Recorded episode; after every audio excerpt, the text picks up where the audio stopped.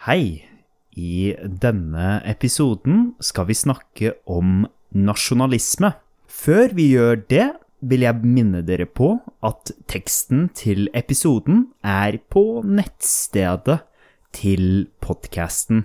Dere kan også støtte podkasten på Patrion om dere har lyst til det. Jeg setter veldig pris på de som allerede har valgt å gjøre det.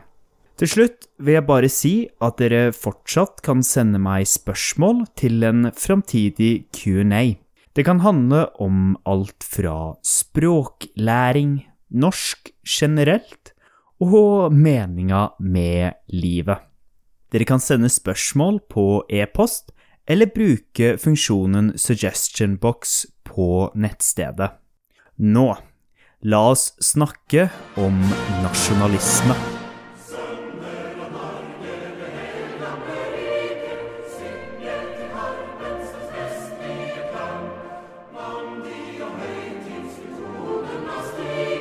Nasjonalisme er både en måte mennesker føler tilhørighet til et land og et folk, og en politisk ideologi. Å føle tilhørighet betyr å føle at man hører til noe. Nasjonalisme er dermed en måte folk føler at de hører til et land eller en gruppe mennesker i et land. Det kan også være en politisk ideologi. Da bruker politikere denne tilhørigheten til nasjonen til et politisk formål. Nasjonalisme slik vi kjenner den i dag, utvikla seg på slutten av 1700 1800-tallet i Europa. I denne perioden var nasjonalismen viktig i utviklinga av de moderne nasjonalstatene, som for eksempel Frankrike, England, Italia og Tyskland. Nasjonalismen var også viktig i utviklinga av Norge og en norsk identitet, spesielt etter vi fikk vår egen grunnlov i 1814. I denne episoden skal vi se nærmere på betydninga av nasjonalisme, både historisk og nå i dag. Nasjonalisme er et ganske moderne begrep det stammer fra slutten av 1700-tallet, blant annet med at land fokuserte mer på hva som var unikt med deres kultur og språk. I Norge var det for eksempel viktig å utvikle et eget skriftspråk. Vi kunne jo ikke skrive dansk dersom vi ønska å være et eget land, en egen nasjon. I tillegg fikk vi en egen nasjonalsang, norske folkeeventyr blei samla til ei bok, folk begynte å bruke bunad, en egen nasjonaldrakt. Det var også på 1800-tallet at Norge fikk sitt eget flagg. Før hadde vi bare brukt det samme flagget som Danmark. Dette er eksempler på symboler med nasjonalistisk verdi. Slike symboler er viktige for at folk skal få en følelse for hva Norge er. Det norske flagget representerer Norge. Men hva er Norge? Symboler kan tolkes veldig ulikt, alt etter hvem som tolker dem. Dette gjør at det er lett å samle seg om slike symboler. De kan representere veldig ulike ting for folk. Selv om nasjonalisme er et ganske moderne fenomen, betyr ikke det at mennesker før i tida ikke hadde følelser til hvor de kom fra. Vi har mange historiske kilder om personer som er stolte av sine hjemsteder. I Romerriket fantes det for eksempel en sterk patriotisk følelse til imperiet. Det var for eksempel stor forskjell på en romer og en barbar, en ikke-romer. I antikkens Hellas var også folk veldig stolte av bystaten de kom fra.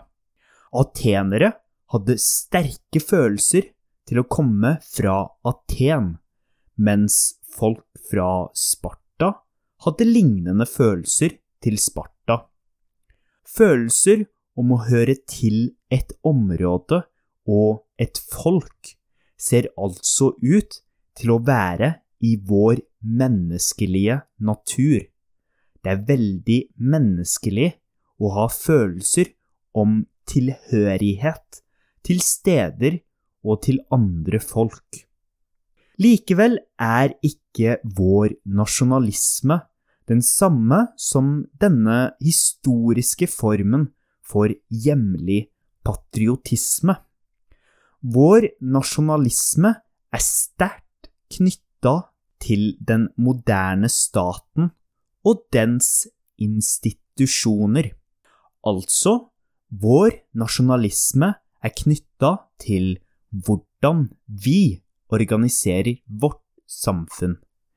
Dette er helt annerledes enn for eksempel i middelalderen. I Frankrike på 1200-tallet var det et føydalsamfunn. Føydalsamfunnet betyr at adelsmenn var knytta til kongen gjennom troskapsbånd. Dette betyr også at landet var mye mer fragmentert og delt. Ulike adelsmenn hadde sine områder som de styrte. Frankrike var dermed ikke et samla land slik det er i dag, men besto av for eksempel Provence, Normandie og andre områder. Folk kjente kanskje en tilhørighet til området sitt, for eksempel Provence, og til sin adelsmann eller til kongen. Likevel var dette ganske annerledes enn vår nasjonalisme. La oss derfor se mer på denne moderne nasjonalismen. Det som er interessant med nasjonalisme, er at det kan virke både samlende og splittende.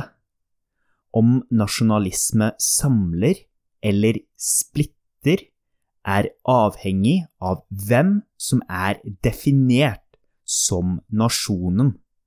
Hvem er norske, og hvem er ikke norske? Hvor er Norge? Dette er spørsmål som kan samle og splitte. At noen er norske, betyr at det finnes noen som ikke er norske. Nasjonalisme handler om å samle de som er norske, og ekskludere de som defineres som ikke norske. Dersom vi ser historisk, har nasjonalisme virka samlende for Italia og Tyskland. På begynnelsen av 1800-tallet var Tyskland delt i mange fyrstedømmer, hertugdømmer og enheter. Nasjonalisme var viktig i prosessen for å samle disse små enhetene til et samlet Tyskland. Dette gjorde derimot også at noen blei utelatt. For eksempel var ikke Østerrike en del av det nye Tyskland, selv om de snakka tysk og delte mye av kulturen med andre tyske stater. Nasjonalismen var også viktig i samlinga av Italia. Likevel kunne nasjonalisme også være splittende. På 1800-tallet var Østerrike-Ungarn et av de største landene i Europa. Dette imperiet besto derimot av mange ulike grupper med ulike nasjonale identiteter. Folk følte seg serbiske, ungarske, tsjekkiske, østerrikske osv. Østerrike-Ungarn brøt sammen og delte seg opp. I dag er det som var Østerrike-Ungarn, mange nye stater, som for eksempel Kroatia, Serbia, Ungarn, Østerrike, Tsjekkia og Slovakia. Tyskland og Italia derimot er begge fortsatt samla. Dette viser hvor kraftfullt nasjonalisme er. Men beskriver nasjonalisme noe som faktisk finnes? Finnes det noe som heter Tyskland, Norge og Frankrike? Hva vil det si å være nordmann, tysker eller franskmann? Nasjonalisme bygger på en samla nasjonal identitet, bygd på en felles kultur, etnisitet, geografi, språk, politikk, religion, tradisjoner og historie. Hva er norsk kultur? Norsk etnisitet? Norsk geografi? Norsk språk? Norsk historie? Ingen av disse er noe som alltid har eksistert. Norsk språk utvikla seg f.eks. fra et protogermansk fellesspråk for tusenvis av år siden. Dette betyr at på et tidspunkt var svensk, dansk, norsk, engelsk, tysk og nederlandsk det samme språket. Språk endrer seg og kommer til å fortsette å endre seg. Og hva er samme språk? Der jeg kommer fra, snakker vi annerledes enn de gjør i Oslo, men vi sier likevel at det er samme språk. Svensk er derimot et annet språk, selv om det også ligner mye på slik vi snakker. Hva med geografi? Norge har ikke alltid vært slik det er i dag. For eksempel blei ikke grensene i Nord-Norge til Sverige, Finland og Russland bestemt skikkelig før på slutten av 1700-tallet og begynnelsen av 1800-tallet. Før var også Jämtland et område øst for Trondheim en del av Norge. På 1600-tallet erobra Sverige Jämtland, og det er i dag en del av Sverige. De snakker svensk og føler seg svenske. Heller ikke geografien til et land er noe evig. På samme vis er en nasjons historie noe som kan endre seg over tid. Hva slags historie en nasjon velger å definere som sin egen, kan forandre seg over tid. Er samenes historie f.eks. en del av norsk historie, eller ikke? En nasjon er altså en sosial konstruksjon. Vi i Norge har laga et konsept av hva Norge er, og hva det vil si å være norsk. Dette er bygd på et konstruert konsept om en felles historie og kultur. Likevel betyr ikke dette at Norge ikke finnes. Norge finnes som en sosial konstruksjon i hodene til mennesker som kommer fra Norge, og som føler seg norske. Likevel er det ikke sikkert at Norge vil være det samme som det er nå, om 500 år. Språk og kulturen vil forandre seg, og det kan godt være at den nasjonale identiteten også vil gjøre det. I tillegg er en nasjonal identitet bare én av identitetene vi har. Jeg er for eksempel en mann, student, nordmann, podcaster og løper, for eksempel. Vi lever nå i en tidsperiode som utfordrer nasjonalismen slik vi kjenner den. Globalisering gjør at vi har mindre kontroll over vår egen politikk enn tidligere. Norge er eksempel avhengig av Den europeiske union i sin handelspolitikk. EU er viktig i å forme hvordan Norges handelsnettverk og avtaler ser ut. Dette utfordrer tanken om at nasjonen bør styre seg selv, altså at nordmenn bør få styre hvordan Norge skal se ut. Dette kalles for nasjonal suverenitet. Nasjonal suverenitet har også blitt svekka av andre overnasjonale organisasjoner som Verdensbanken, Parisavtalen for klima og handelsavtaler. Globalisering utfordrer også nasjonalisme ved innvandring. Land rundt omkring blir mer og mer multikulturelle. Hvordan påvirker dette nasjonalidentiteter? Folk kommer til Norge fra Polen, Syria, Litauen, Somalia, England, Tyskland, Vietnam og mange andre steder også. Dette betyr at det blir større spredning i kulturer, tradisjoner, religioner, etnisitet og språk i Norge.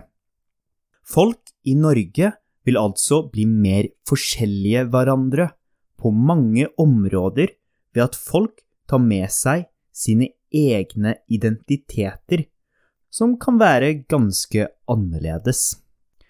Hva vil det da si å være norsk? Vil norskhet endre seg? Altså, hvem kan kalle seg for norske?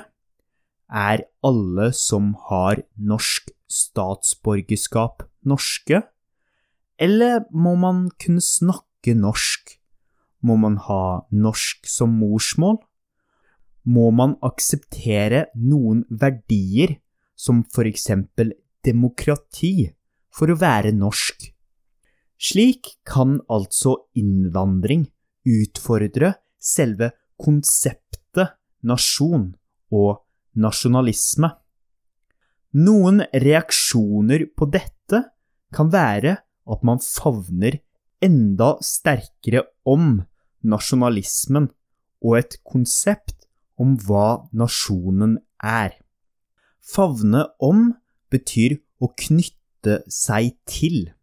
Altså er det mange som reagerer med en sterk nasjonalisme i møte med globalisering og innvandring.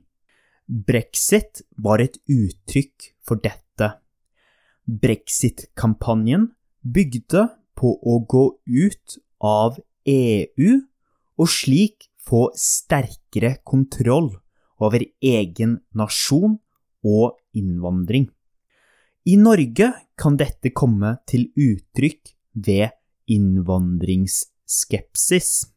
Altså at man er skeptisk til at folk kommer til Norge fra andre deler av verden. Dere har kanskje hørt om Norge for nordmenn, eller Tyskland for tyskere, eller Ungarn for ungarere. Dette er en klar tankegang om at nasjonalgrupper eier sine landområder, altså at Norge eies av nordmenn. Men hvem er nordmenn, eller tyskere, eller ungarere? Som vi har sett, er dette konstruksjoner. Det betyr at vi også kan endre definisjonen av ungarere, tyskere og nordmenn. Det kan altså være grunn til å være skeptiske til utsagn som Norge for nordmenn. Hva Norge er, og hva nordmenn er, er ikke faste og evige begreper. Ekstremnasjonalisme kan være veldig negativt. Nazismen i Tyskland på 1930- og 40-tallet er eksempel på en slik negativ nasjonalisme. Dette betyr en svært ekskluderende nasjonalisme. Bare hvite, helst blonde personer som snakka tysk, var ekte tyskere. I tillegg førte denne nasjonalismen til en nedvurdering av andre nasjoner, altså at Tyskland og germanske land var bedre enn for eksempel Frankrike eller Ungarn. I tillegg førte nazismen til den mest destruktive krigen i historien, andre verdenskrig. Slik nasjonalisme kan altså være svært farlig. Man kan derimot også kritisere mer generell nasjonalisme også. Er nasjonalisme et godt svar på for eksempel klimakrisa, flyktningskrisa eller økonomiske kriser? Klima påvirker oss alle. Dette betyr at vi ikke kan løse det på nasjonalt nivå. For å løse klimakrisa trenger vi samarbeid mellom nasjoner. Likevel er ikke nasjonalisme bare negativt. Faktisk har nasjonalisme vært veldig viktig for å utvikle demokrati, skole og utdanning, helsesystemer, industri, infrastruktur og teknologi. Nasjonalisme er et uttrykk for hvordan mennesker klarer å knytte seg selv til ideer om fellesskap. Disse fellesskapene er konstruksjoner. Jeg kjenner ikke alle nordmenn. Faktisk har jeg bare møtt svært få av alle som kaller seg nordmenn.